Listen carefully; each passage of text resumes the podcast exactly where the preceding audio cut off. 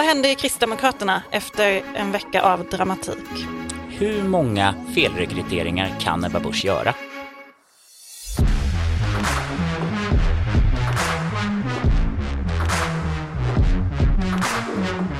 Det här är Politiken med Maggie Strömberg och Torbjörn Nilsson. Och Henrik Tore Hammar. Vi kommer precis tillbaka ifrån Ebba Buschs kaffeträff med riksdagsjournalisterna och jag är på, konst, på något konstigt sätt så här upplyft.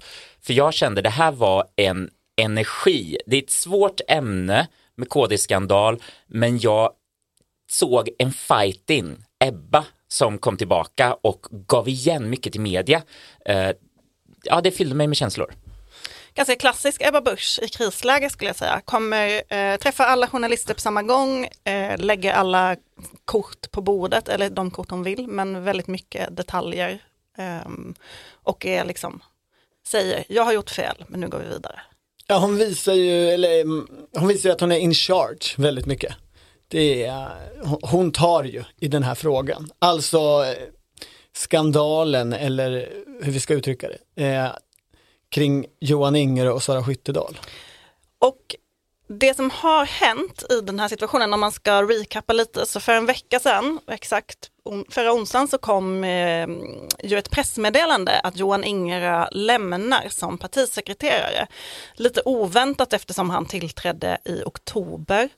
Han, eh, han verkade också väldigt förtjust i det uppdraget. I sin Twitter-bio skrev han att det var det finaste uppdrag man kunde ha och han hade fastnålat bild från ögonblicket då han presenterades som ny partisekreterare. Ett ganska kryptiskt pressmeddelande där man inte förstod så mycket mer och några timmar senare så la Johan Ingerö själv ut ett meddelande där han, eller ett Facebook-inlägg där han skrev att han hade blivit anklagad för någon sorts ofredande utav en onämnd partikamrat. Och sen lite snabbt därefter så kommer Sara Skyttedal och på Facebook lägger ut ett meddelande om att hon har anmält en oidentifierad partikamrat för någonting som senare eh, eller som ha, polisen har rubricerat som sexuellt ofredande som ska ha hänt på eh, valvakan i Europaparlamentsvalet 2014 när hon var KDU-ordförande och han var presschef. Hon är ju idag eh, Europaparlamentariker. Ja, de är ju, det är två personer som är väldigt viktiga i den nya kristdemokratin om man vill uttrycka det så alltså. Ebba Busch skapelse eller omformning av det här partiet. Johan Inger har ju haft central roll ända sedan Göran Hägglund-tiden egentligen, eh, men särskilt de senaste åren i Ebba Buschs stab och blir då upplyft till partisekreterarroll som är, ja, är så tungt men det, det kan bli i, i tjänstemannasammanhang och helt central eh, för ett partis fungerande. Och eh, Sara Skyttedal var ju toppnamn i Europaparlamentsvalet 2019 och eh, det var ett framgångsrikt val också. Så det här är ju, ja, förutom det så har hon ju dessutom liksom varit vägledande i ett antal positionsförändringar i partiet. Alltså migrationspolitiken, decemberöverenskommelsens fall och sådär. Alltså hon var ju så framgångsrik som KDU-ordförande att man efter henne talar om ett Skyttedal-komplex där eh, alltså kommande, de, vad heter det, efterkommande, efterföljande ordförande försökte eh, liksom göra om hennes trick med att eh, då driva partiet längre högerut, eh, skriva kontroversiella debattartiklar som tog upp all syre. Det är väl ingen som riktigt har lyckats på samma sätt som Skyttedal.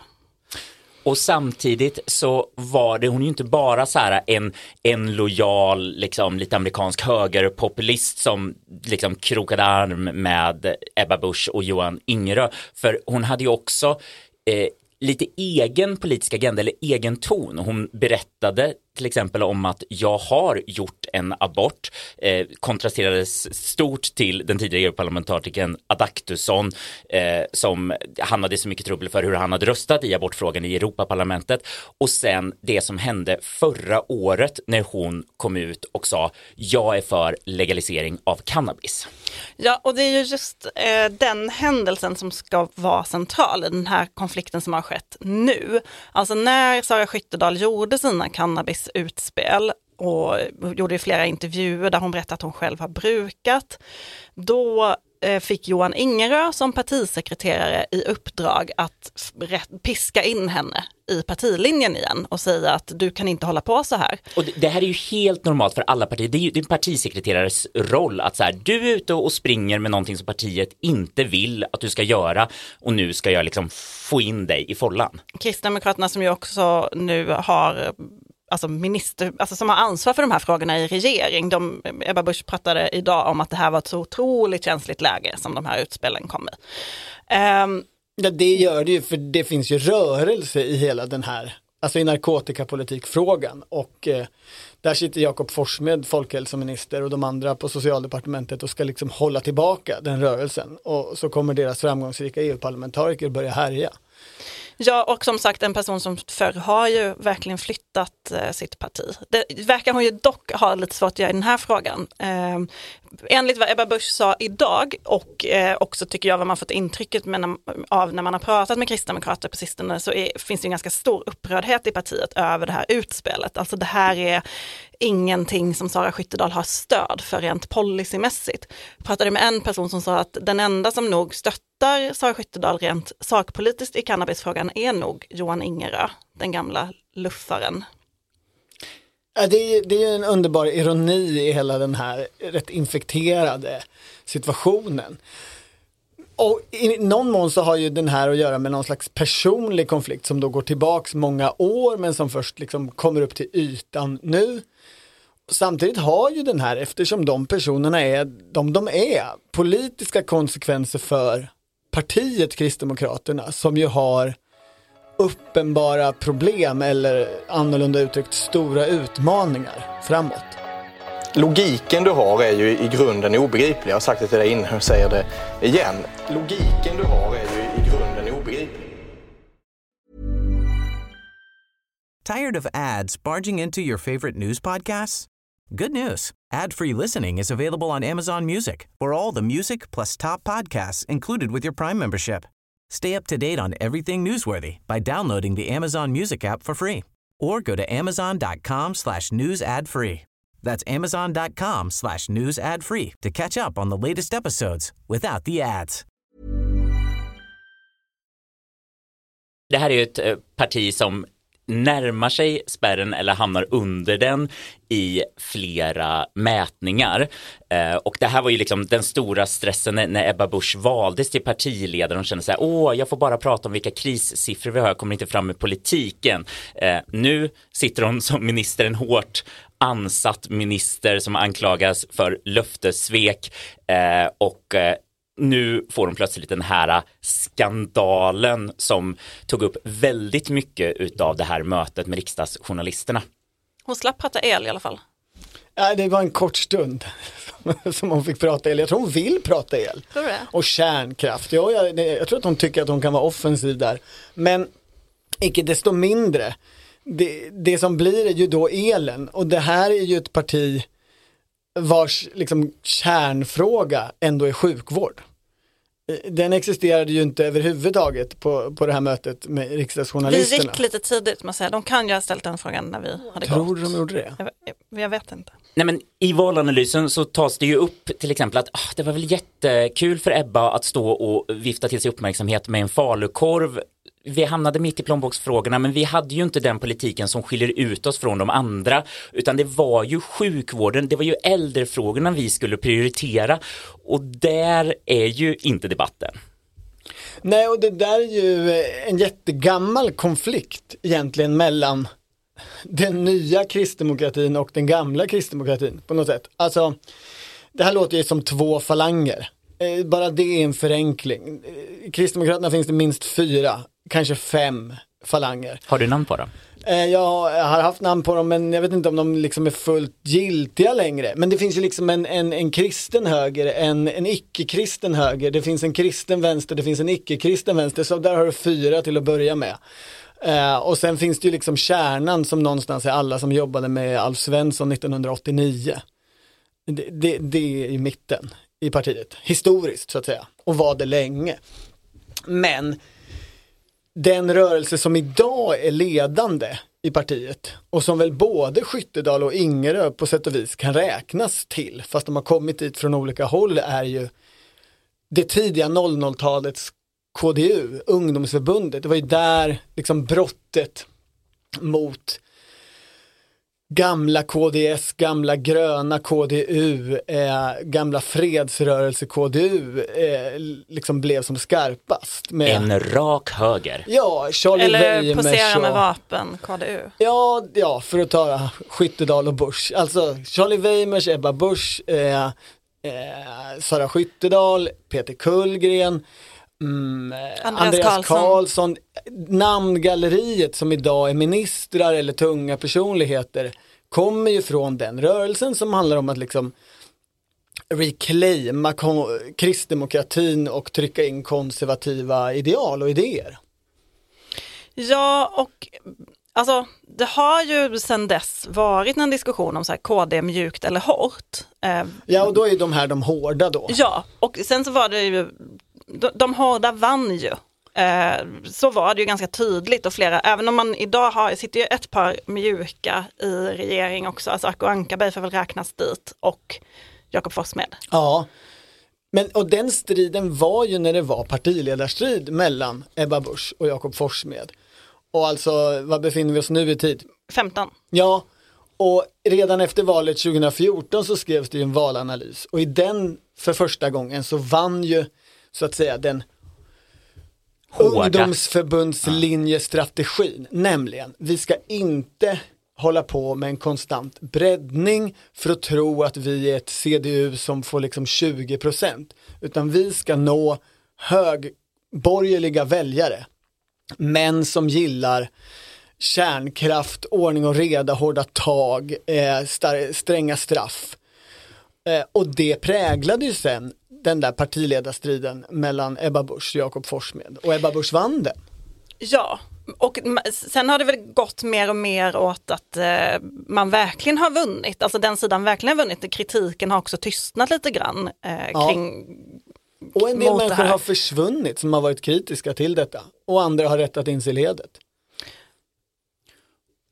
Och då är det ju spännande att komma till cannabisfrågan, för den kan man ju se också som den hårda sidan, att, att vara liksom för förbud och liksom verkligen ur ett eh, lite gammelkristdemokratiskt sätt säga så, nej men vi värnar om den svaga genom att vara riktigt hårda, att kriminalisera eh, och också det här som jag kanske inte hade förstått hur upprört partiet var över att hon hade erkänt eget bruk. För det återkom ju Ebba Busch till flera gånger när det gällde eh, Sara Skyttedal. Eh, att hon sa så, nej men vi kan inte ha en, eh, vår EU-parlamentskandidat som sitter på en av de största plattformarna som säger att hon, liksom, hon kommer begå brott. Och hon sa ju också, jag har hört att hon har lovat att inte bruka själv i framtiden.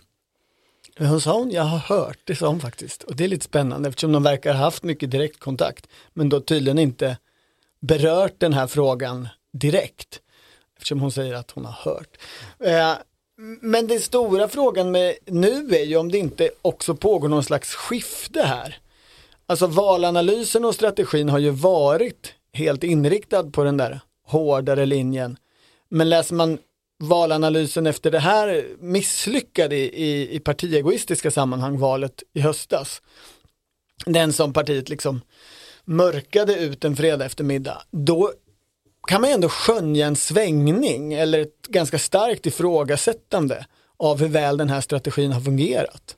Ja, framförallt är man ju kritisk till att man inte har lyckats lyfta sjukvårdsfrågan, en fråga som är väl viktig för många väljare, där man har ett tydligt sakägarskap, viktigt för kvinnor. Eh, och att man istället då har lyft frågor där man kanske inte har haft så mycket unik politik som du sa Henrik. Men det finns ju också ett intressant resonemang där som är, väljarna tycks ju ändå inte ha gått till mjukare partier. De eh, har ju framförallt ett nettotapp till Sverigedemokraterna. Och det har ju valanalysen lite svårt att förklara. Ja, och den är lite svårbegriplig också i kremlologiska sammanhang. Alltså den är ju ett grupparbete men är skriven av Erik Nilsson som är kommunalråd i Karlstad. Som har lånat språkdräkt av Thomas Nordenskiöld på Expressen. Har ni tänkt ni på det? Att han har eh, skrivit så här. En centralt placerad person säger, någon med god insyn menar att 100% Nordenskiöld-prosa. Ja men att de eh, liksom istället för att, alltså jag menar det är väl van, är det hemligt? Är de, varför måste de vara anonyma?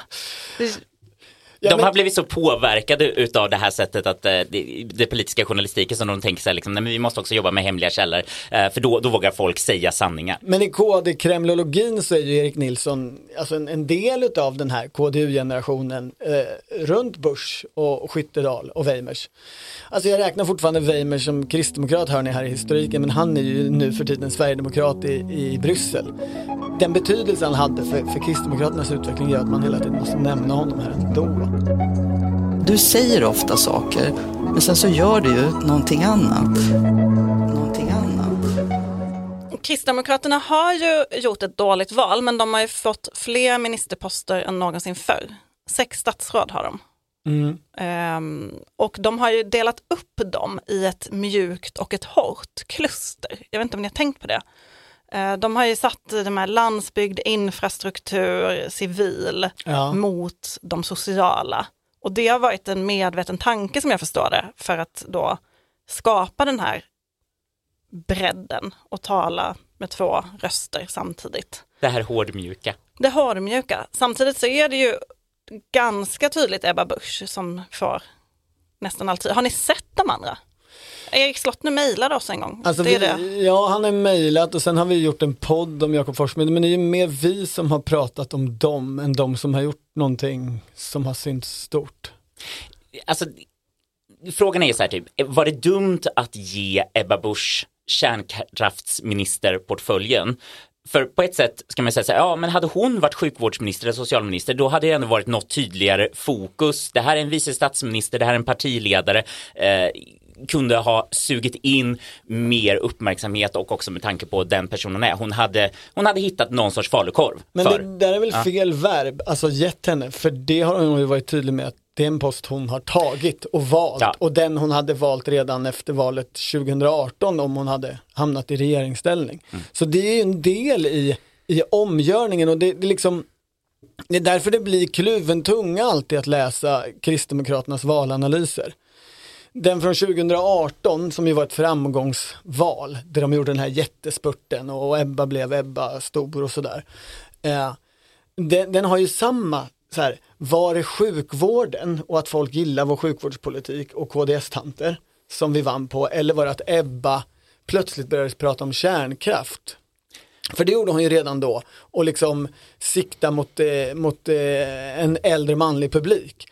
Ja, och alltså de skriver ju, om man då ska tro valanalysen, så hade de ju jättesvårt att komma ut med sina sjukvårdsutspel. De gjorde många sjukvårdsutspel men medierna var inte intresserade. Medierna var intresserade av falukorven. Och Sverigedemokraterna säger ju samma sak när man pratar med dem. De gjorde ju sitt, sitt stora tandvårdsutspel som inte heller fick någon uppmärksamhet. Typ samma dag som eh, Tobias Andersson twittrade om återvandringståget till Kabul som fick jättemycket uppmärksamhet. Eh, kanske har vi de politiker vi förtjänar. Ja, eller så är det så att deras, de här två partiernas potentiella väljare faktiskt inte är så intresserade av en jättekostsam generös eh, tandvårdsreform eller för den delen en enorm omorganisering av sjukvården i Sverige. Det är ju också en möjlighet. det kan ju vara så att det funkar väldigt bra i opposition och säga vi har ett väldigt annorlunda svar på sjukvårdsfrågan. Den är jätteviktig för oss och det stora problemet är hur vi, att vi har liksom landsting slash regioner. Eh, men sen, ja när man känner, när väljare känner närmare på det här så kanske man bara, nej men är det verkligen svaret? Är det inte alltid bara mer pengar? Men om man spår någon slags då, eh, återgång i KD till en lite mer balans eh, mellan mjukt och hårt. Det är det du tänker, en mjukhetens revival här. Jag, jag tycker att man ser sådana spår. Eh, eller jag tycker att man hör det också när man pratar med även folk som har eh, företrätt en väldigt tydlig högerposition i partiet. Så verkar det, tycker jag, finnas en känsla av att nej men nu behövs det Eh, alltså när man frågar vem blir nästa partisekreterare, då, då får man svaret ja, men det behövs någon med stor förankring i partiet, någon som kan eh, bottna i både det mjuka och det hårda. En pingstvän. Och För det... det- är inte det omskrivningen. Att, att ha goda känningar i partiet, är inte det att det måste vara en pingstvän? Det får stå för dig, det får stå för Ja, Torbjörn. jag, jag vet inte. Utifrån den tanken är det ju lite udda att välja Johan Ingerö till partisekreterare. Det är ju ett speciellt val. Ja, och, En person som är en slugger, som är känd för att liksom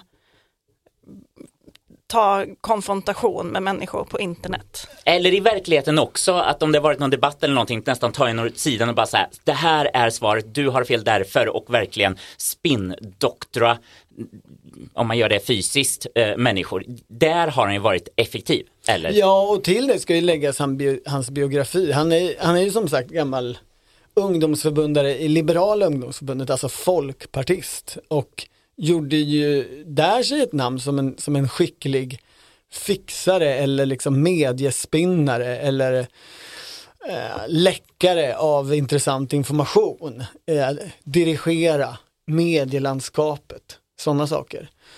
Eh, och sen har jag ju varit medlem i Kristdemokraterna i över ett decennium i alla fall. Eh, men det är ju inte kanske någon som är rotad i rörelsen. Det, det Ebba Busch var alldeles tydlig med eh, på den här träffen med riksdagsjournalisterna var ju att han inte hade rest tillräckligt mycket.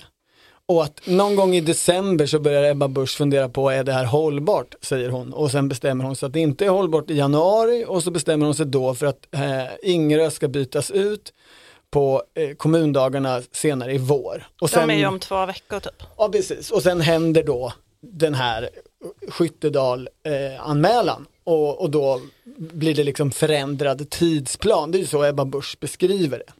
Ja, och det där har man ju, det tycker jag att har varit det tydligaste man har hört när man har försökt ringa i partiet och fråga om den här situationen. Då är det alla säger, eh, Johan Ingerö var fel som partisekreterare, han hade ändå bytts ut. Nästan som att man har känt att det har varit orkestrerat att alla har svarat det eh, på första, som första svar.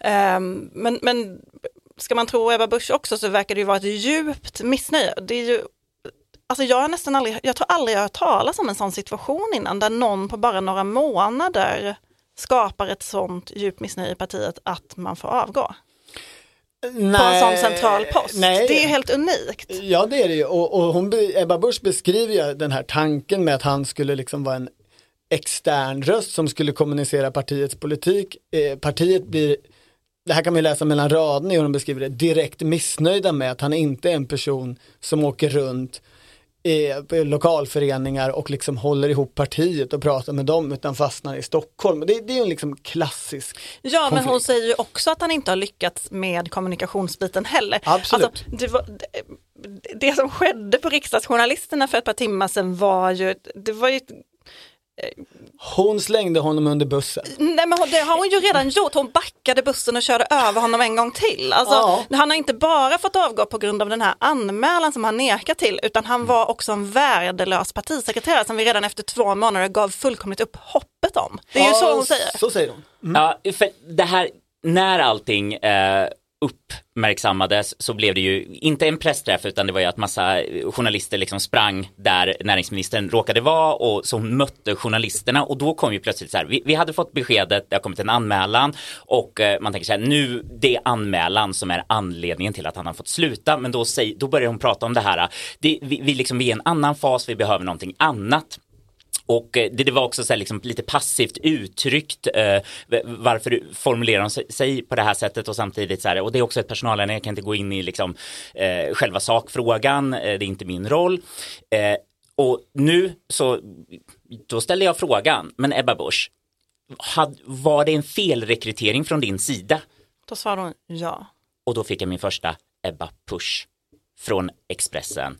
Här gjorde hon fel, eh, gick de ut och sa. Och det måste väl ändå så här, Ja, det ju hände det här under, under den här riksdagsjournalist- under riksdagsjournalisterna. Mm. Ja, och, och då, då menar jag, då tar hon ju på sig i alla fall något sorts ansvar. För innan var det ju oklart liksom att hon skulle kunna tidigare gått ut och sagt så här, vet ni vad, det var mitt ansvar att anställa Johan Ingerö, jag trodde han skulle kunna bli det här, det funkade inte, det här faller på mig. Det vanliga är ju att man säger så här, nej men han har det så jobbigt hemma just nu. Alltså, eller det brukar ju vara, alltså, jag tänker när folk avgår eh, och så brukar man ju hitta på ett svepskäl. Det gör ju inte Ebba Busch utan hon säger ju Eh, hon hon inledde ju med att säga, eh, jag tycker det är viktigt med sanningen, som ni vet, och det brukar folk skratta åt mig när jag säger, alltså Magdalena Andersson. Men nu kommer jag berätta hur det ligger till. Och sen gjorde hon ju det, det var ju mycket, det var ju detaljer och olika liksom, samtal med medarbetare. Ja men och då är det ju intressant för här tar hon ju på sig ett ansvar för den här rekryteringen och pratar man med människor i Kristdemokraterna om hur den här rekryteringen gått till så säger den ju också, alltså hon försöker ju på den här träffen säga ja, det var en felrekrytering och sen end of story.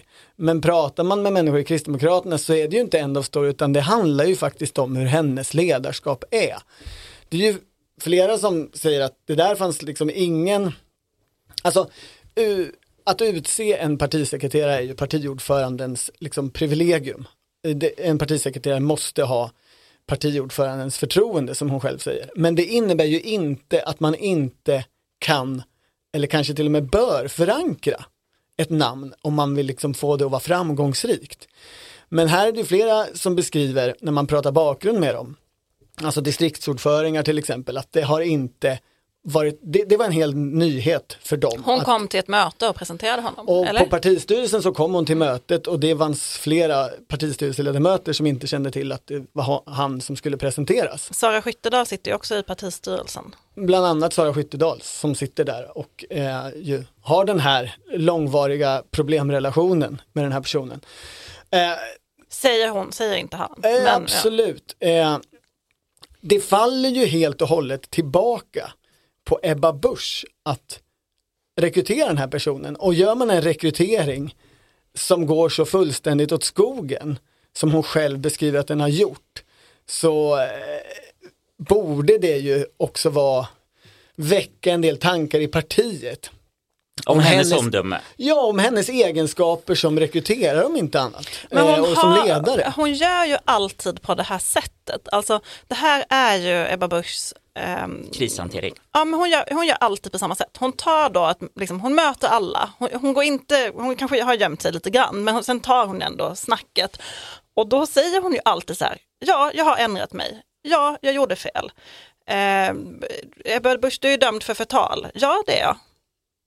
Alltså det, hon, hon är liksom alltid, hon gör sig untouchable genom att säga så här, ja, du har rätt, men nu är jag här för Nu vänder vi blad. Jag vill prata om elstöd. Ja. Ja. Ja men och egentligen är det ju samma sak med Sara Skyttedal här.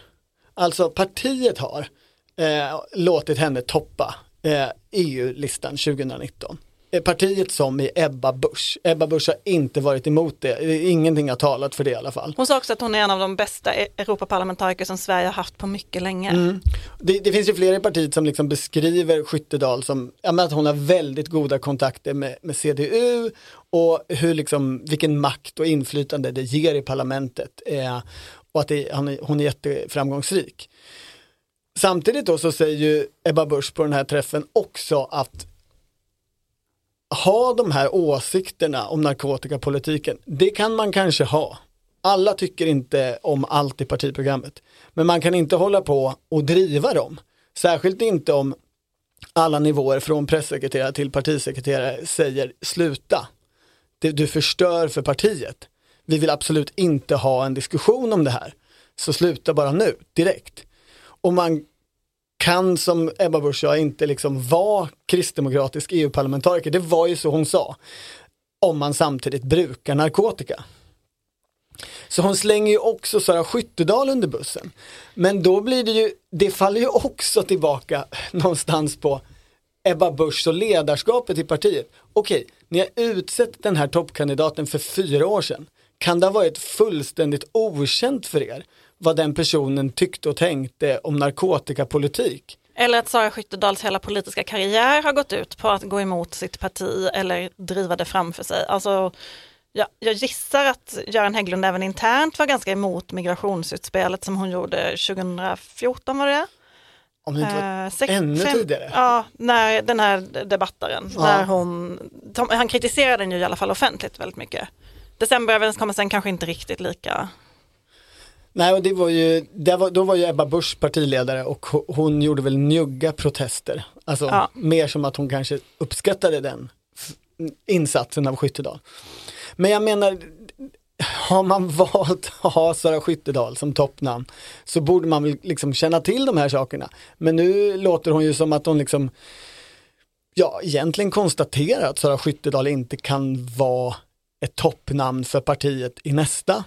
Var hon säger- också en felrekrytering? Fast hon sa ju, hon fick ju en rak fråga om det och då sa hon ju att det ville hon inte säga men, men hon säger ju att eh, förtroendet för Sara Skyttedal i partiet har eh, verkligen sjunkit och att det, folk har varit så upprörda över de här utspelen. Ja men på det sättet har man en, en konstigt ironisk situation. Alltså här blir den här jätteinfekterade konflikten kring polisanmälan och att eh, Ingerö måste sluta. Men båda verkar på olika sätt ha gjort bort sig innan på ett sätt som ifrågasätter om de kan ha sina roller i framtiden.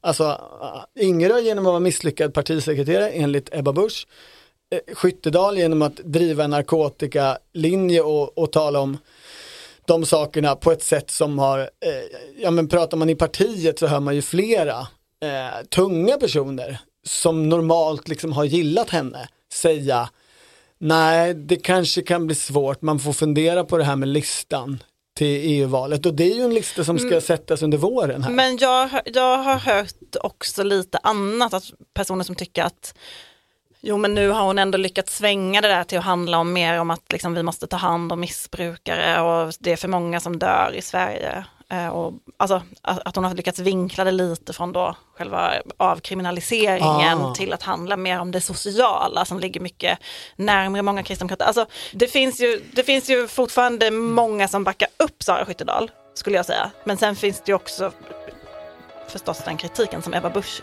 väldigt noga lyfter fram. För där har de betydligt bättre pizza än vad de har någon annanstans. Bättre pizza, bä- bä- bättre pizza. Hi, my name is Danny Pellegrino from Everything Iconic, and I'm excited to talk to you about Club Med. Club Med operates beach and mountain resorts and is the best all inclusive getaway for families. They have Club Med Punta Cana, their flagship family resort, and many other options in Mexico, the Caribbean, and around the world. Club Med are the pioneers of the all inclusive concept, which is the best way to vacation. Great for families, groups, or even solo travelers looking for land and water sports, delicious food, and a place to make unforgettable memories. Visit clubmed.us, call 1 800 Club Med, or your travel advisor.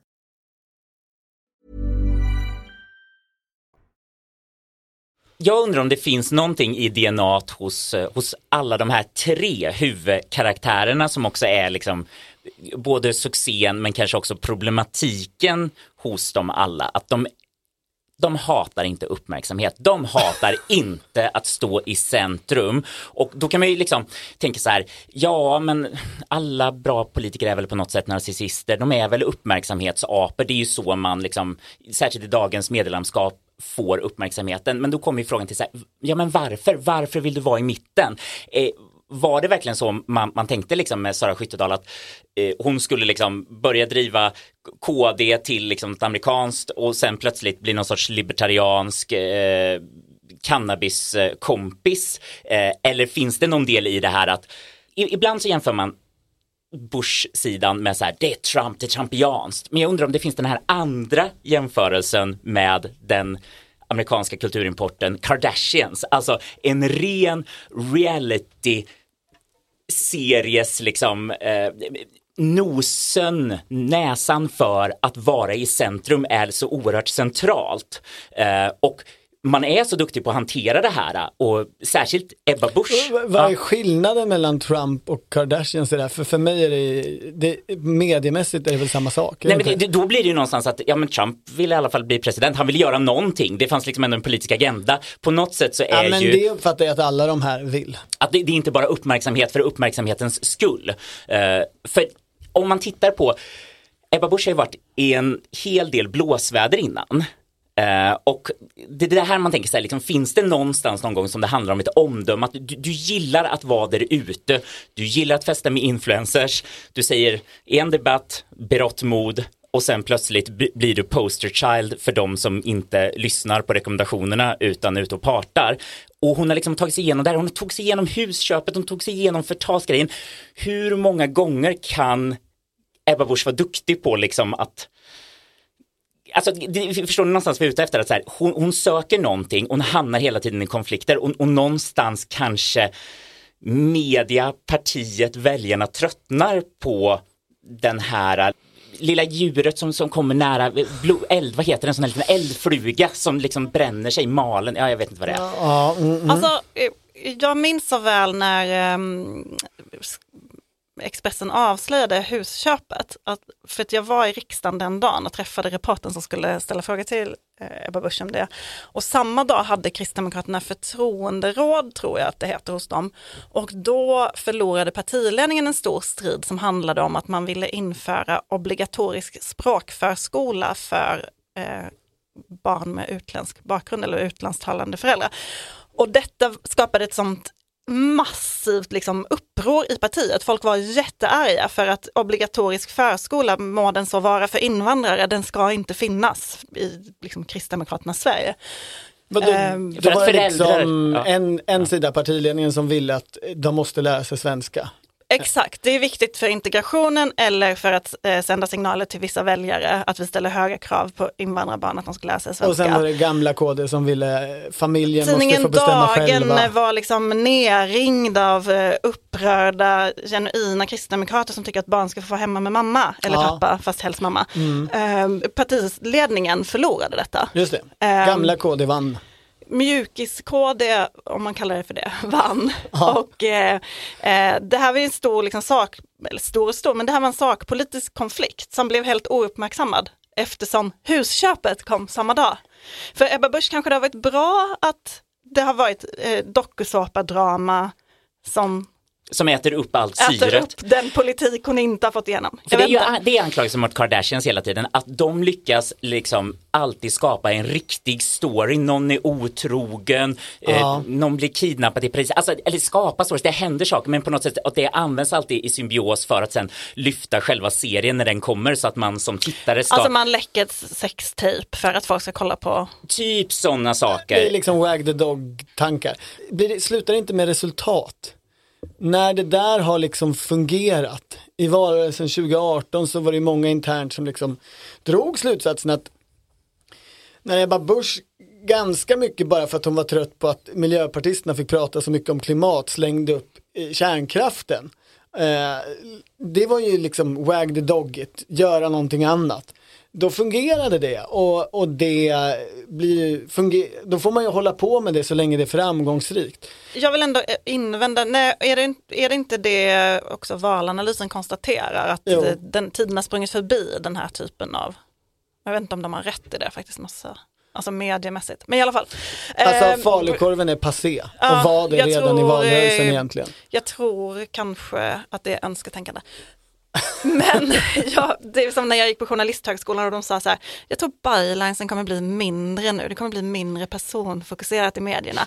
Det stämde inte, Nej. den framtidsspaningen. Nej, verkligen inte. Ehm, men i alla fall, det jag skulle säga är, även om det kanske finns problem för partiet med den här eh, kändismänniskorna, Henrik som du pratar om, som tycker om att vara i centrum, så är det väl ändå så att om både Sara Skyttedal och Johan Ingera nu kommer försvinna, det är en ganska hög andel av kristdemokratiska personer som får utrymme i medierna. Eller kristdemokratiska personer som någon överhuvudtaget kan namnet på. Mm. Men det är ju för att man tittar på dem, de gör saker, de säger saker, de beter sig, eh, energin, ögonen riktas ditåt. Kanske det finns någonting att när man tar bort de här mest färgglada, kan det vara så att de här lite gråare, Acko Ankarberg, Jakob Forssmed, de du pratar om nu? att de ändå lyfts upp och blir, hamnar mer i fokus när de inte behöver konkurrera med eh, det spektakulära? Det är ju möjligt, men Nej. Men t- ta då, när man pratar med Kristdemokraterna nu så, så ser, betraktar de det ju inte så när vi tittar på EU-listan och inför EU-valet 2024. Alltså, för skulle då Sara Skyttedal ha tappat förtroendet i partiet och inte återfå det och inte i provval och i valberedning eller nomineringskommitté eller vad de kallar det eh, hamna på en, på en hög plats här på, på valsedeln. Då är det ju David Lega som är tvåa idag som kanske skulle kunna kvala in som etta. Och det är ju en person som inte har tagit den typen av plats. Alltså, han har ju fram, absolut kommit ut i, i medier men inte i närheten av de här du pratar om. Det är ingen Kardashian-människa. Eh, om jag Den inte- köper din liksom, analogi Inte här. karismatisk på det sättet. Då är ju frågan, kommer partiet nöja sig med det? Dessutom så är ju den här uppdelningen liksom Skyttedal-Lega, två toppnamn som var i förra EU-valet, tydlig om vi förenklar internlogiken till två falanger. Skyttedal hård, Lega mjuk. Eh, Ska man då låta en mjukis toppa? Eller ska man hitta en annan hård kristdemokrat eller som jag då hellre kallar liksom KDU, kristdemokrat. Men som eh, inte har någon problematisk åsikt eller brukande av droger. Eh, för att ändå liksom trycka ner de här mjuka. Det startar ju, det drar ju igång rätt komplicerade eller potentiellt komplicerade och förödande processer i partiet. Så jag tänker att den här infekterade skandalhistorien är ju intressant i sig, men det riktigt intressanta är ju EU-valet. Och vad som händer om Kristdemokraterna eh, misslyckas i ett val till. Hur mycket, ja, vad, eh, vad ska Ebba Busch göra då och hur är egentligen tålamodet med henne? Skulle det kunna vara så att det inte var en skandal som fällde Ebba Busch utan helt enkelt dåliga valresultat? Det har ju hänt förr i alla fall i partiet att folk har fått gå för att valresultaten är för dåliga. En sak som kanske också spelar, jag vet inte om det spelar in, men eh, Johan Ingerö kandiderade ju till riksdagen i höstas och i, eh, i Sörmland. Han eh, var ju ganska uppmärksammad inför det, alltså, bland annat gjorde Dagens Nyheter ett stort porträtt på honom. Alltså, han är en person man pratar om, man märker ju, tycker jag, när den här händelsen hände att folk är Alltså han är en person som folk är intresserade av. Många, jag fick många sms av så här privata vänner som bara, vad har hänt? Som jag inte hade fått om det inte var en person som Johan Ingerö. Men han fick 56 kryss. Han, han toppade listan efter Ebba Busch, för hon toppade ju alla listor. Mm. Kanske, kanske inte det mest karismatiska eh, namnet Nej men det där. behöver inte alltid omsättas. Alltså sen kanske inte han, han kanske inte var ute och kampanja så mycket. Han hade säkert mycket annat att göra i sin roll. Det fin- finns säkert skäl till att inte han blev en kryssraket. Men jag Han var ingen röstkung som de säger i Finland. Nej men det behöver inte vara så att man, för att man är en person som skapar mycket uppmärksamhet, att det omsätts i väljarstöd. Nej. Kristdemokraterna har nu kommundagar, helgen efter påsk. Eh, då, senast då ska en ny partisekreterare vara presenterad, sa Ebba Busch idag, fast det lät som att det kunde bli typ redan i eftermiddag, jag vet inte. Eh, men det händer ju en del för KD i övrigt också. Alltså KDU byter också eh, parti, vad heter det, förbundsordförande. Nika Örbrink har ju blivit stadshus toppperson. Just det, som ska sluta. Hon ska sluta. Hon har ju också fortsatt driva på eh, ungdomsförbundet i Sara Skyttedals anda. Och det finns tydligen eh, bara en kandidat till efterträdare. Aha. Vice ordförande Stefan Sarmes som nog också kommer fortsätta i precis faktiskt samma linje.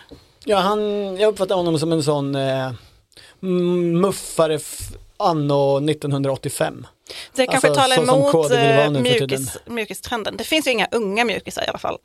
Nej, en gång när jag var för några år sedan på en eh, års, ett årsmöte eller vad det heter, ting, jag kommer inte ihåg vad de kallar det, KDU. Då var ju Stefan Attefalls son där. Stefan Attefall var ju en medarbetare till Alf Svensson alltså som jag kategoriserar som kärnan under, under tre decennier i alla fall i Kristdemokraterna, men rätt leftish som sådan. Klar vänsterlutningen då.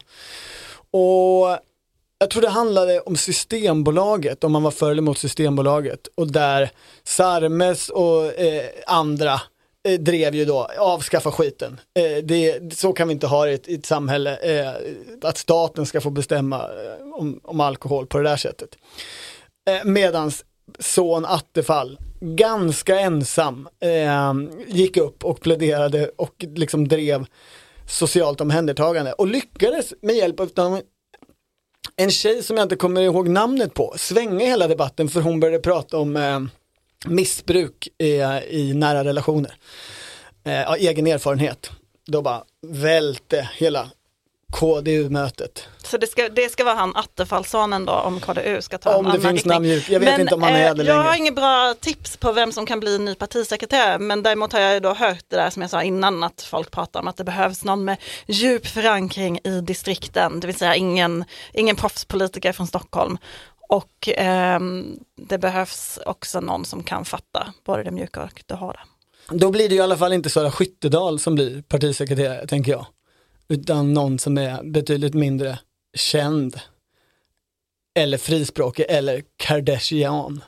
Om jag får använda Henriks ord. Eller tala för dig. Får jag det? Det får du. Tack.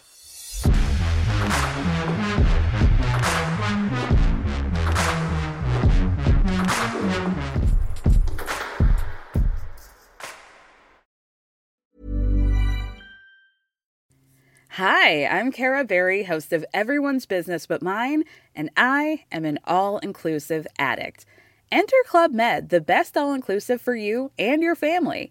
With resorts worldwide, from their family flagship resort, Club Med Punta Cana, to their only mountain resort in Canada, Club Med Quebec, they have everything you need to relax. With their 20 plus sports activities, wellness programs, you can dine on delicious cuisine and make memories with your family. So book your next getaway with Club Med. Visit clubmed.us or call 1 800 Club Med or your travel advisor.